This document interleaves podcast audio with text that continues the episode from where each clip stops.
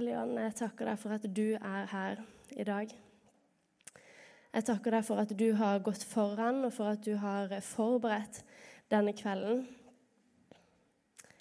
Jeg takker deg for at vi får samles her og rette fokus på deg og gi ære til deg.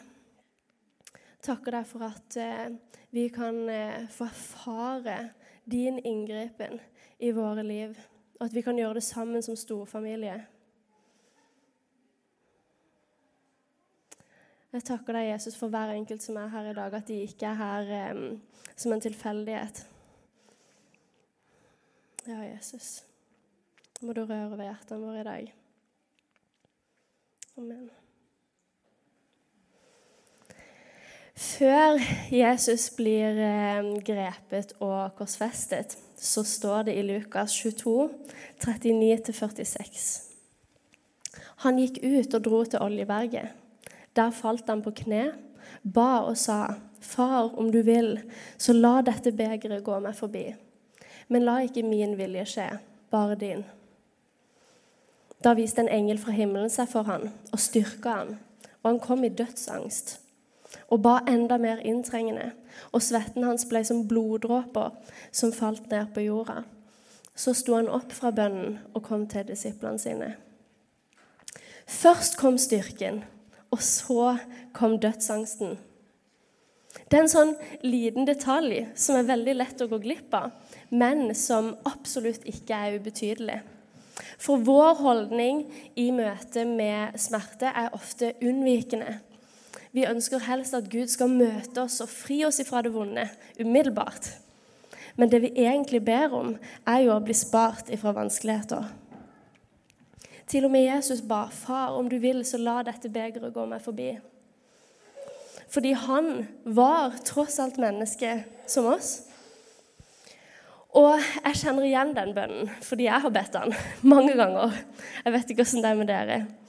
Men felles for alle mennesker er vår tendens til å trekke oss unna i møte med smerte, som en hånd på en varm steikeplate. ikke sant?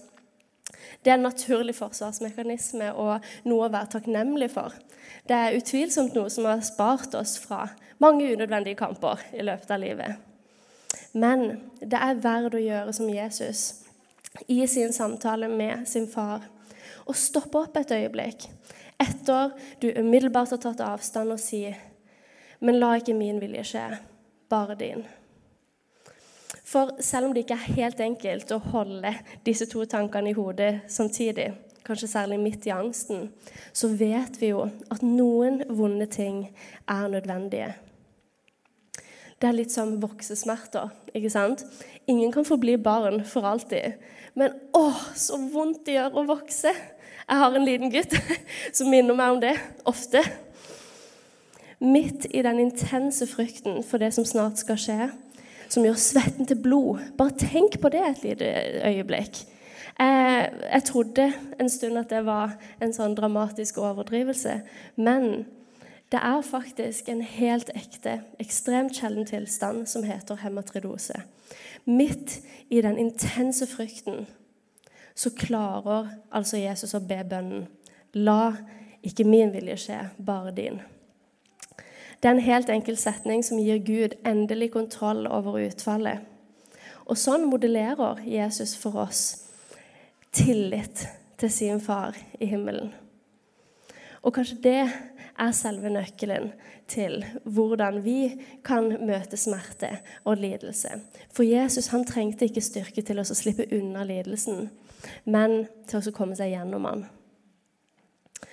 Jesus overvant døden, ikke ved å unnslippe, men ved selv å dø, for så å overkomme den. Vi har nok alle noen kamper. Kanskje noe vi står direkte overfor nå, eller noe som vi har lagt på hylla gang på gang. Som vi har brukt mye energi på å komme unna. Og jeg snakker like mye til meg sjøl nå. Kanskje dette kan bli et sånt vendepunkt denne kvelden her, hvor vi heller ser mot utfordringer og ber Gud om styrke til å overkomme. Om at vår karakter skal styrkes i prosessen og gjøre at vi kommer ut av det vanskelige og ligner bitte litt mer på Jesus. For det er jo det ultimate målet til den kristne. Det kunne vært en helt egen tale, faktisk, men det får bli for en annen gang. Når det vonde blir vakkert. Det er tittelen på denne talen. Og det handler om hva som kan skje hvis Guds godhet får slippe inn i smerten din. Så i kveld så vil jeg si noe om hvorfor nettopp kristendommen er helt unik i måten den beskriver, relaterer og forholder seg til den virkeligheten som vi lever i, som ofte kan være så vond og vanskelig. Jeg skal dele livsnært og personlig fra mitt eget liv om hvordan jeg erfarte livet uten Gud og heldigvis fant veien tilbake. Og så vil jeg med det vise hvordan det som truer med å ødelegge troa di, faktisk kan bli en fordypning av troa di istedenfor. Det er en universell sannhet at ingen kommer uberørt gjennom livet. Absolutt alle har smerten som felles virkelighet og utfordring. Og det kommer en tid for alle, også kristne, hvor tragedien treffer på hjemmebane og drømmer knuses. Selvfølgelig er det lett å si 'Gud er god' når livet smiler. Men når du får nærkontakt med sorg eller svik, hvilke tanker tenker du om Gud da? Det er fort gjort å bli veldig opptatt av hvor urettferdig livet er. Men vi kan mene at eh, livet både kunne, burde og skulle ha vært annerledes. Men dette er virkeligheten. Og i møte med den vonde og vanskelige virkeligheten som vi lever i, så er ikke troa vår verken ønsketenkning eller en psykologisk krykke. Faktisk så er jeg helt overbevist om at det kristne livssynet er det eneste alternativet som beskriver hva det betyr å være menneske, sånn som vi faktisk erfarer det, og den virkeligheten som vi lever i, sånn som den faktisk er, og tilbyr håp. Vi kan sjelden forutsi om Gud vil gi oss bønnesvar akkurat i den formen og fasongen som vi ønsker. Men det er noe, noe enda bedre som vi alltid kan stole helt og fullt på til enhver tid. Og det er at Gud vil benytte enhver sjanse han får, til å gi oss det som vi dypest sett lengter etter og egentlig har behov for, som er et møte med seg sjøl. Min eh, pappa, Pål Hellemosen, som tilfeldigvis sitter her, eh, han er predikant, så dere kan jo si at dette eplet ikke falt langt fra sammen. Jeg vokste opp på første benk. Jeg lærte meg prekenene og troshistorien hans utenat. Og jeg hadde gudstjeneste for nabojentene på barnerommet eh, med illustrasjoner på tavla og med dyp innlevelse. Så vi kan trygt si at troa alltid har vært en naturlig del av vår hverdag. Jeg kjente bibelfortellingene, og jeg trodde på dem. Mamma og pappa de hadde gitt meg alle de rette verktøyene til å ta gode, eh, kloke valg. Og jeg hadde de beste forutsetningene. Men jeg hadde fremdeles til gode å erfare Gud som virkelig i mitt eget liv. Og bli personlig berørt av Han. Og jeg tror at det var en sånn kombinasjon av en falsk forestilling om hvordan Gud burde handle i livet mitt, og en ganske umoden relasjon til han, som gjorde livskrisa til en troskrise. 14.2.2010. Det var verdens verste dag på alle mulige måter. Valentinsdag og morsdag vil aldri bli det samme igjen. Det var på Sørlandet sykehus at meg og mine tre små søsken satt på sengekanten til mamma, som hadde kjempa mot kreften i fire år. Og hun sa sine siste ord til oss. Selv om dere mister meg, så må dere ikke miste Jesus. Hun kunne ikke vite da at det var akkurat det som ville skje med meg.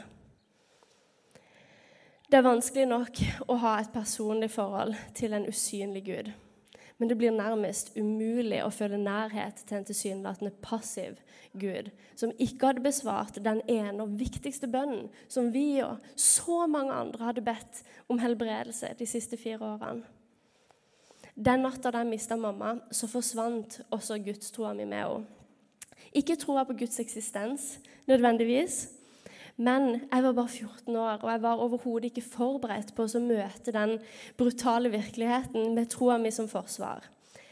Jeg ble oppslukt i spørsmålet om Guds godhet. Jeg kunne ikke forstå hvordan han kunne la mamma, en hengiven etterfølger av Jesus, Pappas kone gjennom 19 år og mor til fire barn. Død. Jeg var sint, og jeg var skuffa. Jeg var skuffa over hvordan livet hadde blitt når jeg tenkte på hvordan livet skulle ha vært. Bare halvannen måned seinere skulle jeg stå til konfirmasjon. Da sto jeg i mammas bunad på trappene til voksenlivet.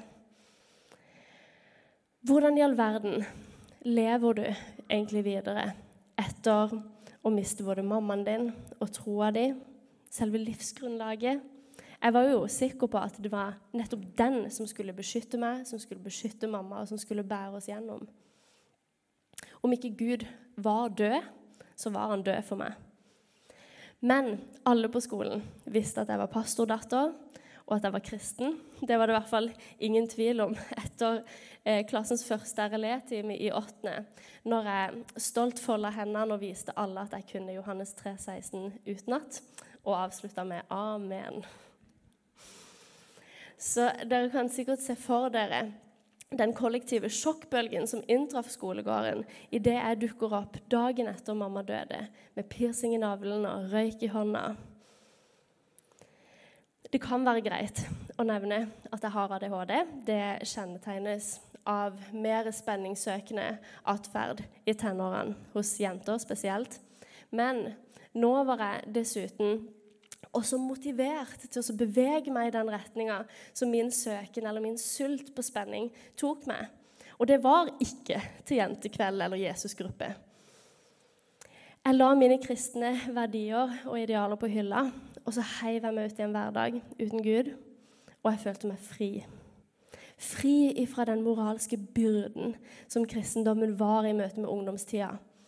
Jeg drakk, og jeg festa, og jeg røykte weed, og jeg hadde the time of my life. Og det ga meg noe som jeg følte jeg trengte. Ga meg behag i å slå tilbake igjen. Men miljøet som jeg skulle bli en del av, begynte å utvikle gjengtendenser. Og alvorlighetsgraden av det vi holdt på med, det eskalerte mye fortere enn jeg klarte å vurdere risiko og konsekvenser. Snart så hadde jeg både vært en del av og blitt utsatt for flere forferdelige ting. Men eh, jeg lyver hvis jeg ikke sier at jeg hadde det gøy mye av tida. Det er bare det at alt hadde en pris. Toppene var høye, men dalene var ufattelig lave. Og Med tida så virka det som at toppene ble bare færre og færre, og at dalene ble bare lengre og dypere. Og i denne nye og utsvevende hverdagen, som var helt uten grenser og rammer, var det bare meg som følte meg det motsatte av fri. Og som kjente på skam og skyldfølelse. Var det liksom bare noen sånne kristelige rester som lå igjen i ubevisstheten min og torturerte meg? Eller var det noe i det? Jeg kunne aldri vite hva som eh, liksom venta rundt neste sving. Det var spennende, ikke sant? Det var livsviktig for meg å holde sorgen på avstand. Men nøkkelen ble å holde meg opptatt og underholdt og distrahert til enhver tid, og sjelden eller aldri være alene med mine egne tanker. Og ensomhet, usikkerhet, skam og depresjon kom krypende. Jeg satt liksom på spissen av et isfjell av mine egne løgner, og det var utrolig ubehagelig, for å si det mildt. Og jeg var ofte plaga av dårlig samvittighet. Det var den nye hverdagen. Men det er herlig å være fri. Hæ? I månedsvis så jobba jeg veldig hardt for å erstatte sorgprosessen med spenning og distraksjoner. Men situasjonen den nådde nye høyder og ble faktisk et problem for byen vår. Og En dag så sto jeg plutselig overfor mine gamle, gode venner utenfor Mandalshallen, hvor ca. 200 ungdommer hadde møtt opp til protestdemonstrasjon imot oss.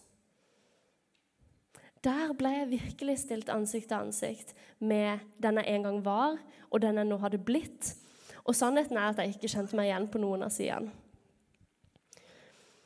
Da mamma døde, så hadde jeg som mål å fortsette som normalt. Det var det jeg ville. Det var jo derfor jeg gikk på skolen allerede dagen etter hun døde. Men det var ingenting normalt med måten jeg levde livet mitt på. 14 år, sex, alkohol, slåsskamper, rus, festing. Livet var fullstendig ute av kontroll. Mamma var død, troa var død, livet var uten mening og fremtidshåp, og jeg hadde mista livsgnisten. I månedene som fulgte, så skulle det òg bli mye dårlig samvittighet på pappa. Og flere søvnløse og tårefulle netter for han som nettopp hadde mista kona si, og satt igjen med enomsorgen for fire barn.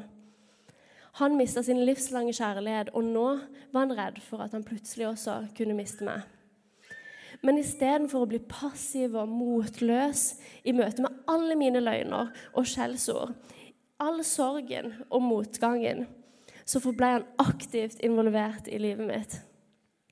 Gjennom kontakt med politiet og i kommunikasjon med andre foreldre så kunne han være til stede og tilfeldigvis dukke opp når det var viktig at noen grep inn. Og mens jeg var ute og var en del av og ble utsatt for flere forferdelige ting, så kjørte pappa ifra de tre små hjemme mens de sov om nettene, ut for å leite etter meg. Jeg syns han blanda seg, men sannheten er jo at han brydde seg. Tenk at han heller ville bli hata av meg enn å se meg gå til grunne. Det er kjærlighet. Han visste alt det verste som var å vite om meg, og han elska meg akkurat sånn som jeg var, ikke sånn som jeg burde ha vært. Og takk og lov for at pappas tro tålte livet og ga han mot til å elske meg med en sånn uforskamma kjærlighet. Fordi jeg kunne jo ikke forbli sånn som jeg var. Jeg trengte hjelp. Men jeg ante ikke hvordan jeg skulle be om det. Og hjelp, det skulle jeg få, men ikke der som jeg hadde sett det for meg. Etter protestdemonstrasjonen så fikk jeg husarrest på ubestemt tid. Men etter noe gråt og smisking og overtalelse så fikk jeg tillatelse til å tilbringe en dag med mine venner hvis jeg sa ja til å være med på gudstjeneste på kvelden. Og for første gang så opplevde jeg at Gud snakka til meg. Han snakka til meg gjennom det som ble formidla fra talerstolen. Det var så spesifikt for mitt liv og for min situasjon at jeg visste at nå snakker Gud til meg. Og jeg, jeg hadde vært en del av et veldig tøft miljø over lengre tid og opplevde egentlig at jeg hadde blitt veldig herda. Men jeg måtte plutselig gråte. Det var veldig nytt. Og Jeg skulle senere lese Esekiel 36, 26 og forstå hva som skjedde. Jeg tar steinhjertet ut av kroppen deres og gir dere et kjøtthjerte i stedet. Under lovsangen så var det som om Den hellige ånd tok helt over meg. Jeg som aller helst ville forsvinne derfra, som skammer meg så veldig over alt det som jeg hadde vært en del av og blitt utsatt for, som jeg var sikker på at alle som var til stede, visste om. For sånn er det jo i en liten by. Jeg overraska alle, meg sjøl inkludert, med å reise meg og brøyte meg fram blant de som fremdeles satt i benkeradene. Og jeg løp alene fram til scenen, og der knelte jeg, sikkert for første gang.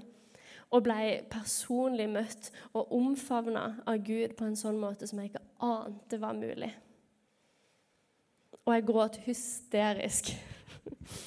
Men det var omtrent som å trekke pusten for første gang på årevis. Det var sånn det kjentes ut.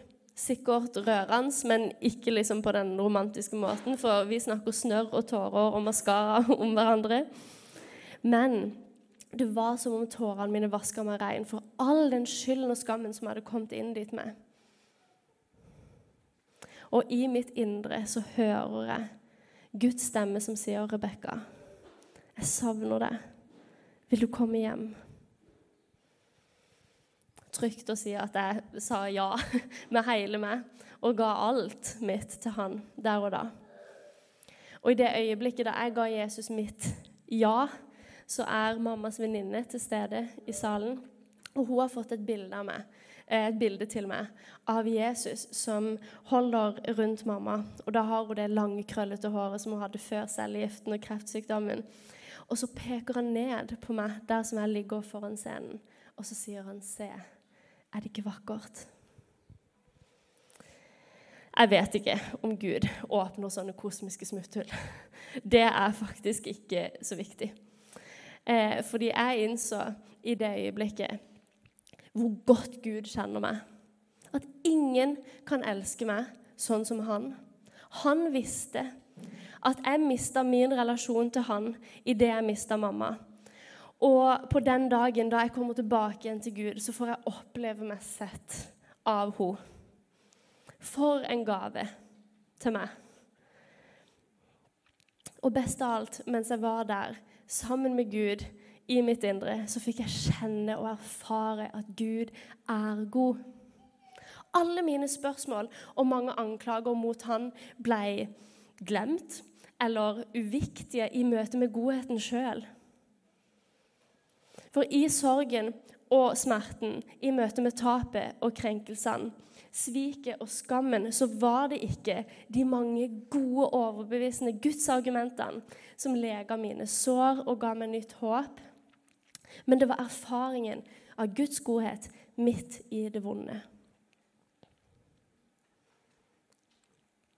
I dag så kan jeg si at jeg er takknemlig for å ha vært et par runder rundt blokka. For det er nemlig noe av virkelig verdi som vi går glipp av når vi lider alene. Og det er så trist at det finnes mange kristne i dag som ikke vet at det å lide sammen med Gud, det er et alternativ i møte med de kampene som vi står overfor. Som om gudslivet bare er reservert for de gode dagene. Det er det ikke. Det er sider ved Gud og dybder i hans kjærlighet som vi ikke kan erfare på de gode dagene. Og faktisk så kan smerten, hvis vi klarer å invitere Gud inn i den, gi oss noen veldig verdifulle kvaliteter. Kvaliteter som innsikt og empati og forståelse og tilstedeværelse, omsorg og kjærlighet. Kvaliteter som er helt nødvendige i våre vennskap og nære relasjoner med andre mennesker. Det er sånn som vi ikke kan skaffe oss. Det kan ikke læres eller kjøpes. Det må bli til gjennom erfaring. Hvis smerten kan få en sånn verdi, så kan den gjøre oss enda vakrere. Ikke fordi at det som skjedde, var godt, men fordi Gud er god. Ja, men er han det, da? Jeg vil si ja. Absolutt god. Den allmektige Gud, himmelens og jordens skaper, blei sjøl menneske og flytta inn i nabolaget. Og på korset så viser Jesus oss på den mest konkrete måten og hever dem over all tvil at vi har en Gud som involverer seg i det som berører oss, og derfor kan ha ekte medfølelse med oss. Dette er så totalt annerledes enn hva andre livssyn tilbyr oss. Har dere noen gang sett en figur av Buddha? Ikke sant? Bare legg merke til det derre avslappa, eh, likegyldige smilet som han har. Hva formidler det egentlig til de av oss som er tynga av virkeligheten, som ikke kan meditere bort ansvar eller forpliktelse eller sorg og smerte? Det hjelper utrolig lite å høre at det som tynger oss, det er ubetydelig. For som regel så er det jo nettopp det motsatte som er sant. At vi gråter når noen dør fordi vi mister noe som er verdt å savne. At jeg fortsetter å savne mamma i dag, det føles ikke godt ut. Men det er et godt tegn på at jeg var virkelig heldig og hadde en god mor. Verden vil fortelle deg at lykke det er å maksimere glede, tilfredsstillelse og komfort. Minimalisere all smerte, lidelse og ubehag. Men det er en drømmeverden. Det er et flyktig mål som vil bevege seg hver gang du tror du nærmer deg. Og det er en oppskrift på skuffelse. Og så er det i tillegg en måte å isolere deg ifra deg sjøl, ifra Gud og ifra andre. Kanskje det beste for oss ikke er å rømme ifra smerten vi erfarer, men å tre inn i den som du ville gjort i et mørkt rom ved å skru på lyset. Det minner meg om det fineste diktet jeg vet om, av eh, Hans Børli. Ett er nødvendig her i denne vår vanskelige verden, av husville og heimløse, å ta bolig i seg sjøl. Å gå inn i mørket og pusse sot av lampen, slik at mennesker på veiene kan skimte lys i dine bebodde øyne. Å ta bolig i seg sjøl. Jeg syns det er nydelig. Det er ord å leve etter.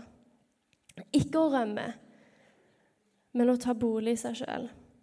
Og som en sterk kontrast til verden så forteller det kristne livssynet at faktisk så kan vi regne med motgang. Det er en del av livet. Og ikke nødvendigvis alltid noe som vi burde skygge unna. For det finnes en Gud som er så totalt overgitt til vårt beste at han tredde inn i og tok på seg all den dypeste lidelsen personlig ved å dø for oss på korset. Og Derfor så kan han møte oss midt i sorgen, og vi kan få erfare ekte oppmerksomhet. Den derre sjeldne og helbredende oppmerksomheten som ikke skynder seg for å fikse problemet ditt eller for å ta lidelsen bort, men som våger å lide sammen med deg. Og lidelsen er en mulighet til å bli omfavna. Vi hører ofte om Guds farshjerte, men vi trenger også, som min eh, egen far Pål Helmersen sier så fint, å erfare Guds fars smerte. Hvis Gud er død, som Nietzsche hevda, så er faktisk alt forgjeves. Det gjelder for alle som ikke tror på noe. For all vår smerte, sorg og skuffelse er da meningsløs. Og det som vi har blitt utsatt for, det må vi sjøl kjempe for å få rettferdiggjort. Men å vite og virkelig forstå at Gud ikke stiller seg på sidelinja, men plasserer seg midt i livet og lider sammen med oss, det er en fantastisk rikdom å ha med seg gjennom livet. Og så vet vi at han vil gjøre noe med det til slutt. Det er vårt endelige håp. Det er ikke helt uten grunn nemlig at vi lengter etter en virkelighet uten sorg og smerte. For det var en gang menneskene levde på den måten. Og en dag så skal vi gjøre det igjen. Men her blir vi bedt om å leve i det spennet mellom virkelighet og paradis. Og det finnes faktisk en god måte å gjøre det på. Kristendommen har nemlig en helt unik konverteringsevne. Å konvertere det er å omforme eller omdanne. Som hjelper oss til en forståelse av at det eh, som jeg nevnte innledningsvis, at det vonde i livet det trenger ikke å bli en hindring i troa. Det kan faktisk bli en fordypning av den istedenfor. Og det handler om å bringe Guds godhet inn i smerten. Ikke som enda en ting vi må gjøre og klare. Svaret er så enkelt at folk overser det eller glemmer det. Det handler ganske enkelt om å slippe Jesus inn. Det står i åpenbaringen 'Se, jeg står ved døra og banker'. Om noen hører min røst og åpner døra, så vil jeg komme inn til ham.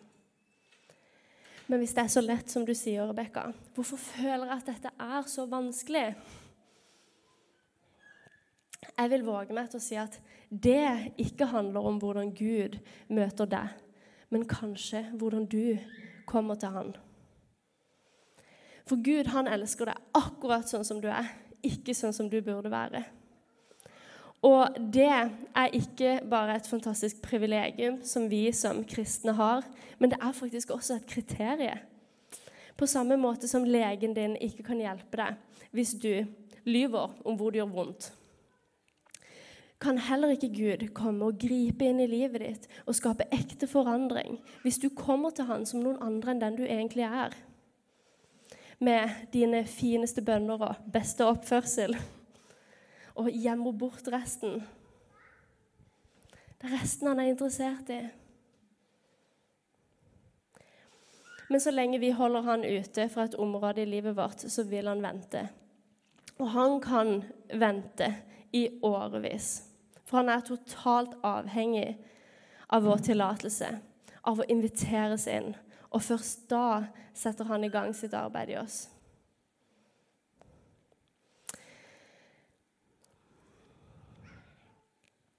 I dag så står jeg på plattformer som dette og forteller hundrevis, noen ganger tusenvis, om den verste og vanskeligste tida i livet mitt. Det skammer meg så enormt over, og med god grunn, for å peke på Jesus. Det er litt rart, egentlig. Men det viser seg igjen og igjen at mange kan kjenne seg igjen i og finne håp i det som jeg kan fortelle. Og nå er plutselig ikke fortida mi lenger bare skip, men den er også nyttig for noe godt. Det er en japansk kunstform som heter kintsugi. De bruker en lakk av gull til å redde og sette sammen igjen keramikk som har knust. Dette gjør at keramikken for det første blir aller sterkest der den en gang har vært knust. Er ikke det interessant? Og så gjør det at keramikken blir både vakker og verdifull på en måte som den ikke kunne ha blitt uten først å ha blitt ødelagt. Det er et nydelig bilde på hva Gud har makt til å gjøre i våre stykkolevde liv. Hvis vi kan gi slipp på tanken om at livet skulle ha vært annerledes, og at Gud skylder oss å gjøre livet komfortabelt igjen, men tar utgangspunkt i virkeligheten sånn som den faktisk er, da finner jeg mye trøst og håp i Bibelen som gir en nøyaktig, realistisk og gjenkjennelig beskrivelse av det som vi erfarer. For det finnes ingen versjon av virkeligheten hvor smerte og lidelse ikke er en del av pakka. Men det står jo ikke på innsatsen. Altså Hver eneste dag utvikles de mest utrolige ting. Vi kurerer de mest aggressive sykdommene. Likevel så er verden gjennomsyra av urettferdighet, hat, sjalusi, ondskap. Vi kan kanskje lykkes i å diagnosere verden, men neppe i å kurere den. For vi har et hjerteproblem. Og fordi jeg har erfart at Gud har kurert mitt personlige hjerteproblem, og fortsetter å gjøre det den dag i dag, så kan jeg stole på det håpet som kristendommen tilbyr om en fremtid hvor døden ikke skal være mer. Heller ikke sorg eller skrik eller smerte. Hvor det som en gang var, er borte. Det er kanskje ikke det svaret vi aller helst ønsker oss midt i det vonde. Men det er et godt svar på det ondes problemer likevel. At Jesus seira over døden, det betyr at vår redning allerede har funnet sted. Men det kommer også en dag der han skal tørke bort hver tåre fra deres øyne. Jeg kan faktisk ikke tenke meg et mer sårbart og nært øyeblikk enn det. Tenk å være så nær i noens smerte at du tørker bort tårene deres.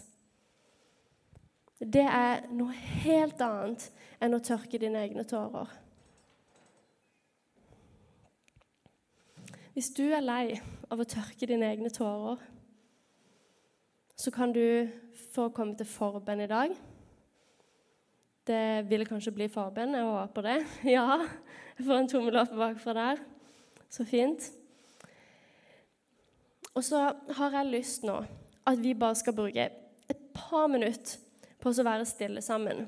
Nå har jeg stått her i kanskje over 30 minutter. Det er lenge. Jeg vil takke for oppmerksomheten deres. Og jeg har sagt masse greier. Um, og jeg er sikker på at det er noen her som har blitt berørt av Den hellige ånd i dag. Vi kan bare ikke hive oss videre med en gang. Det må få et øyeblikk til å bare lande litt i oss, tenker jeg. Så jeg har lyst til at vi bare er helt stille i et par øyeblikk og bare møter Gud i vårt indre.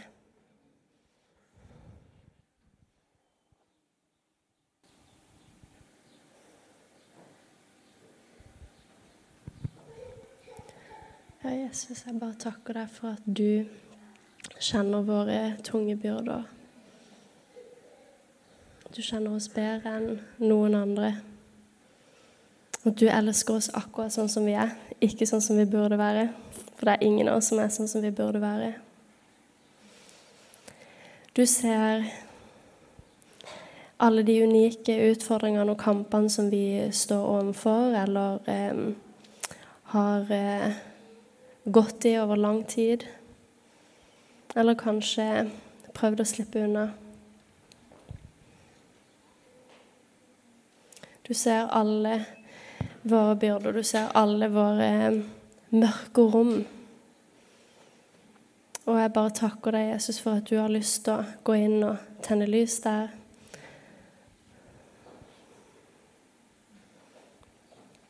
Takker deg, Jesus, for at vi kan sitte her med en forventning om forandring. Jesus.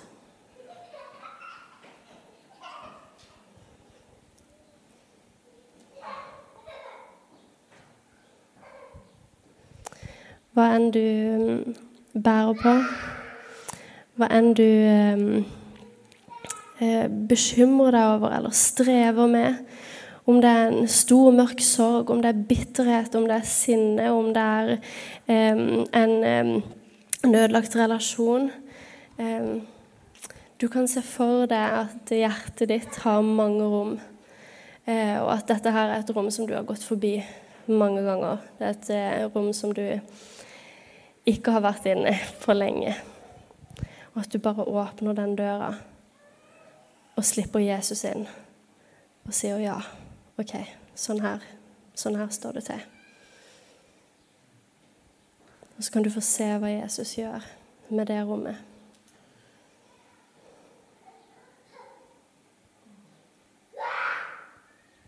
Se, alt blir nytt.